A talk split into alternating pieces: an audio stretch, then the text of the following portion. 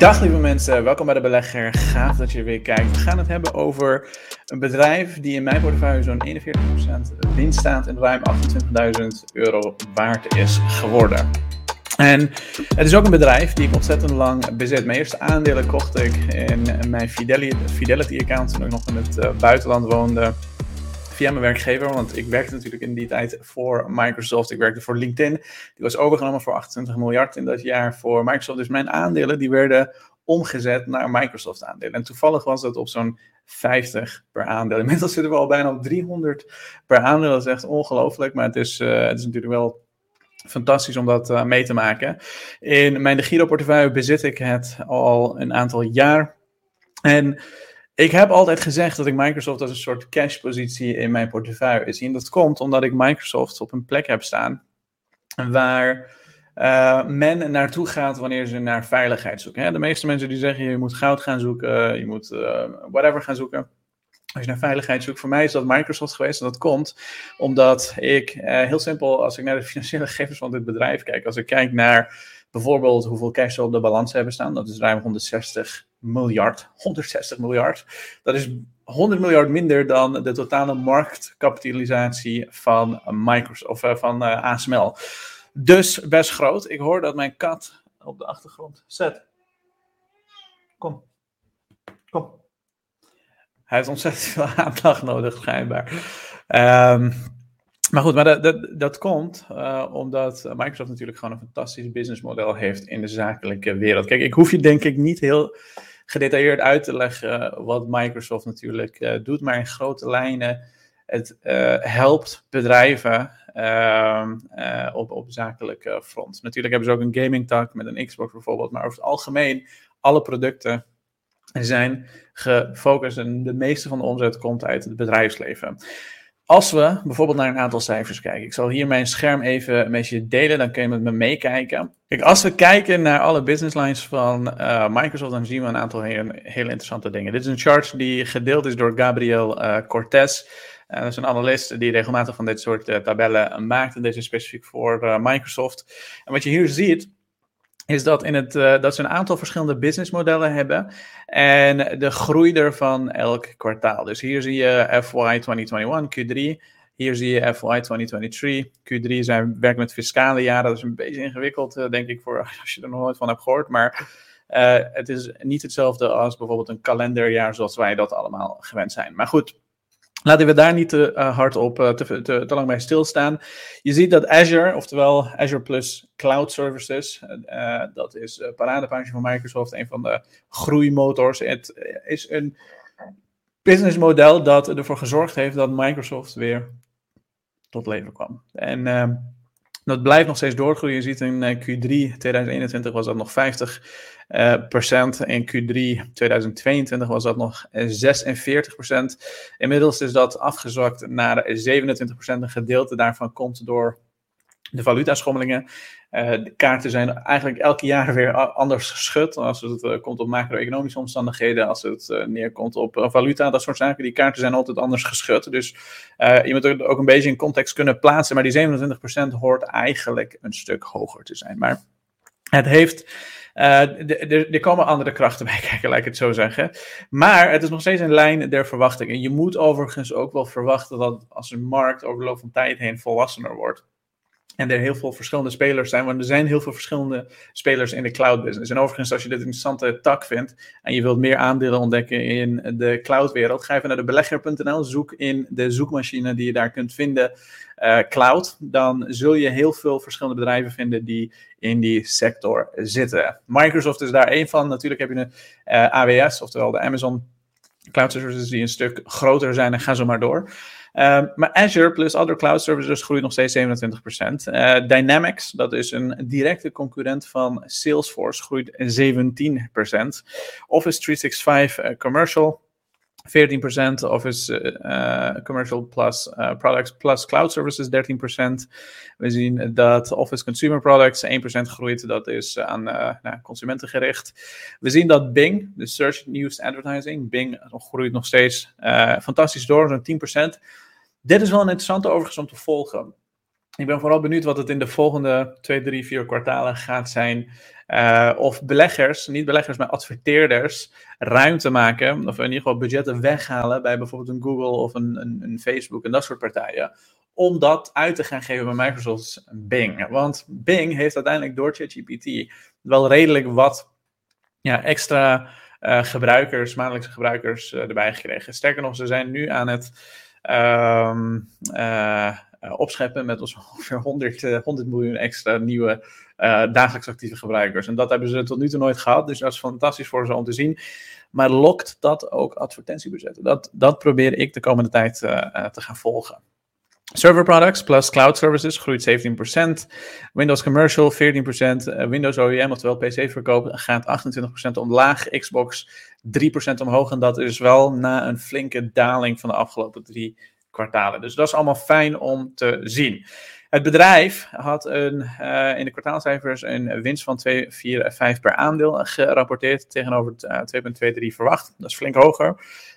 Omzet ook flink hoger. Sterker nog, ze, gaan, ze hebben voor, de, voor het volgende kwartaal ook nog eens een hele hoge prognose gegeven, wat ongeveer een miljard boven de verwachting is. En als je een beetje gaat kijken wat de gemiddelde analist erover zegt. En ik zal zo meteen ook mijn eigen waardering en analyse en, en de cijfers met je delen.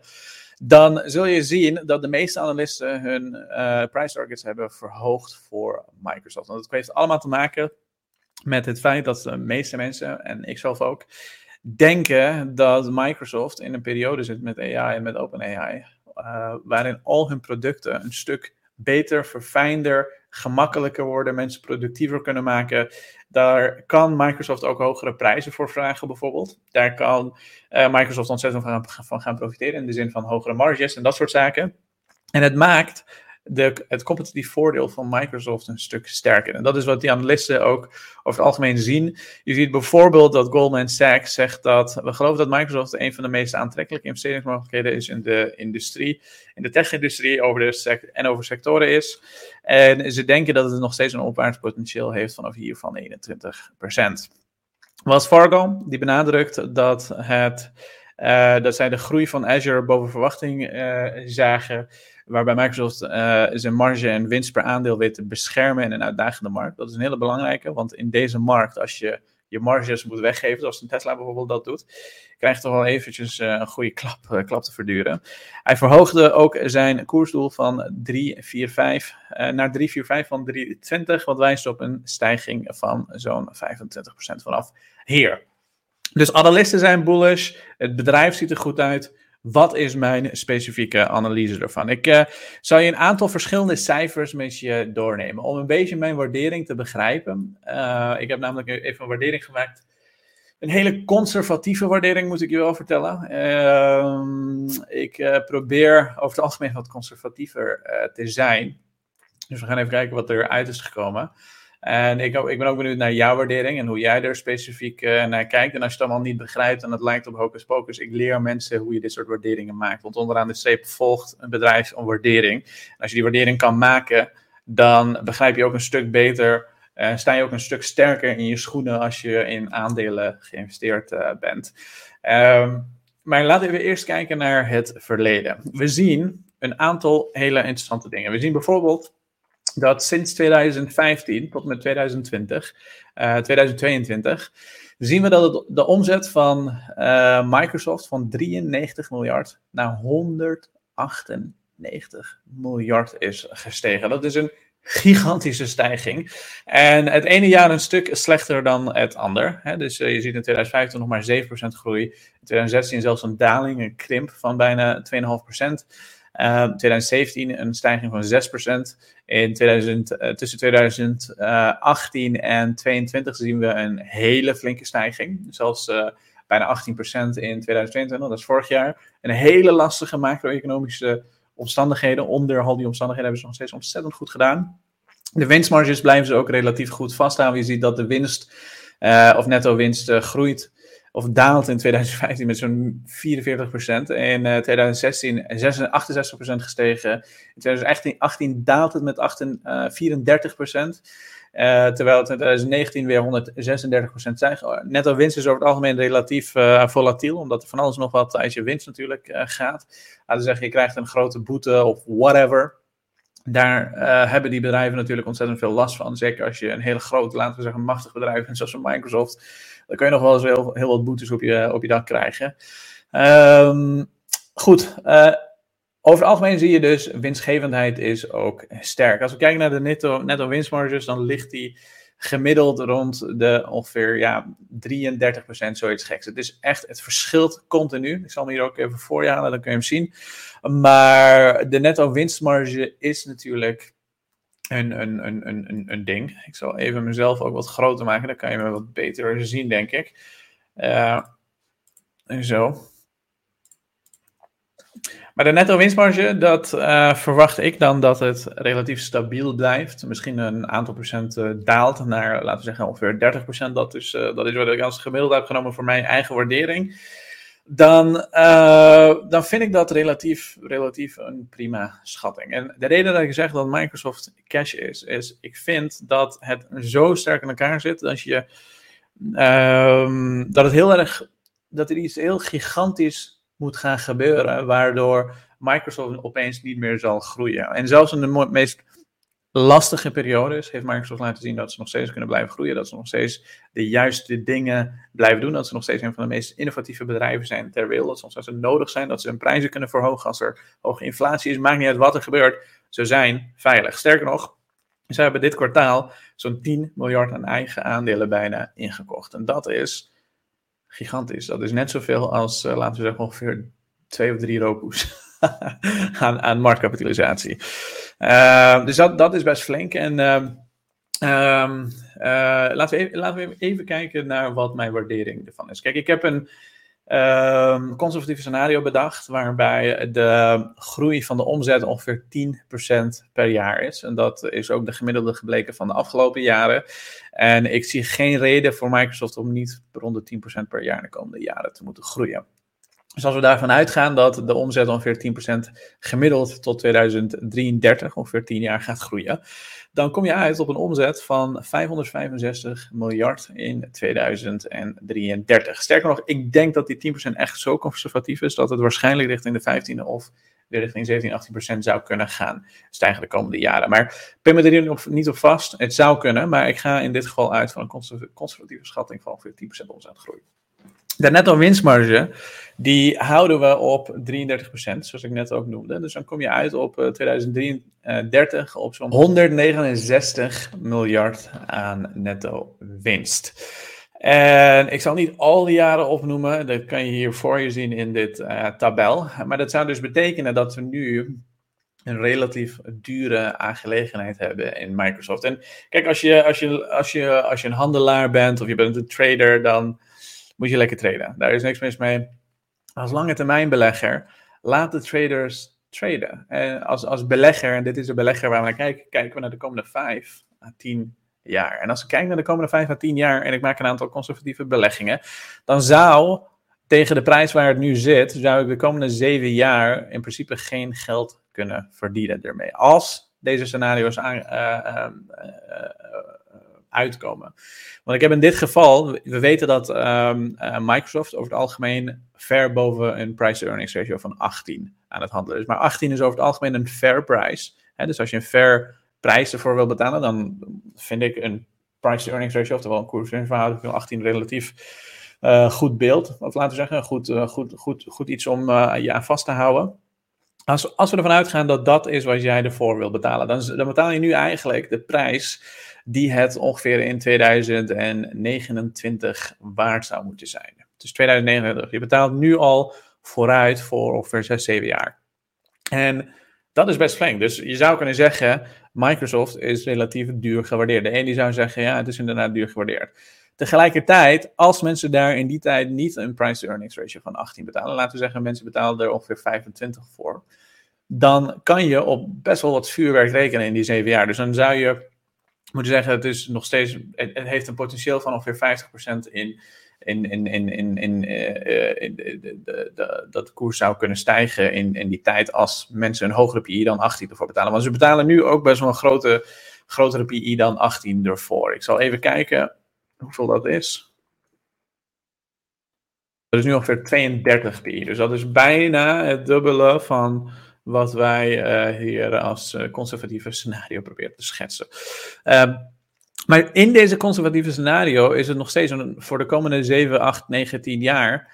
De komende 10 jaar is het nog steeds een relatief veilige belegging. Ik zou mijn vermogen aan Microsoft heel veilig willen uh, laten, kunnen laten bewaren. Want zij uh, maken het aantal aandelen schaars. Hè. Ze zijn continu hun eigen aandelen aan het terugkopen. Ze hebben 160 miljard aan liquide middelen, oftewel cash, uh, op de balansen staan. Dus dat kunnen ze over een hele lange periode zo blijven doen.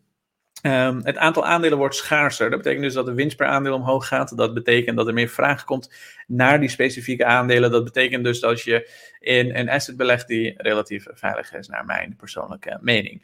Um, maar één ding dat we vergeten in dat hele verhaal, dat we tot nog steeds tot nu toe niet hebben besproken, is natuurlijk dat Microsoft nog steeds een procent aan dividend betaalt. Dus een, uh, de, de um, belegging die ik nu in Microsoft heb, die geeft me en een procent elk jaar in dividend. En er is een hele grote uh, verwachting, of in ieder geval een heel grote mogelijkheid, dat het de komende jaren gewoon ontzettend goed blijft doen, goed blijft renderen. Want mensen zullen ongetwijfeld hogere prijzen dan die eh, 18 per aandeel ervoor willen betalen. En die zou daarin verschillende scenario's kunnen schetsen, maar dit is één scenario waarin ik je in ieder geval, die ik in ieder geval met je wilde delen, zodat je een beeld krijgt bij wat er allemaal wel niet uh, in mijn gedachten speelt erover. Dus ik hoop dat je er wat aan had. Uh, het zijn hele, hele interessante tijden. Overigens, uh, ik heb vandaag een artikel geschreven. Die kun je lezen via de link uh, hieronder als je de mobiele app hebt. Daarin neem ik je mee over iets heel erg belangrijks. Namelijk Salesforce, een bedrijf waarin ik 77.000 euro in heb geïnvesteerd. Daar ga ik ook binnenkort een video over maken als je dat wilt. Laat het even in de comments weten. Laat het even weten via de like-knop. Daarmee help je namelijk dit soort video's. Daarmee help je dit soort content. Maar Um, zij hebben, Salesforce heeft Microsoft op zijn knieën gekregen. Want Microsoft heeft heel lang een monopoliepositie gehad in die zakelijke wereld. En die heeft ervoor gezorgd dat ze uh, apps zijn gaan bundelen. Dus bijvoorbeeld Microsoft Teams kreeg iedereen gratis als ze een ander product van Microsoft hadden. Daarmee zag je dat uh, Teams een stuk harder groeide dan bijvoorbeeld een Slack, die overgenomen werd door Salesforce. En uh, het is een heel interessante uh, ja, Maar ga het even bekijken als je daar geïnteresseerd in bent. Uh, ik ben benieuwd wat je ervan uh, denkt. En ik zie je bij de volgende video. En alvast een hele fijne Koningsnacht.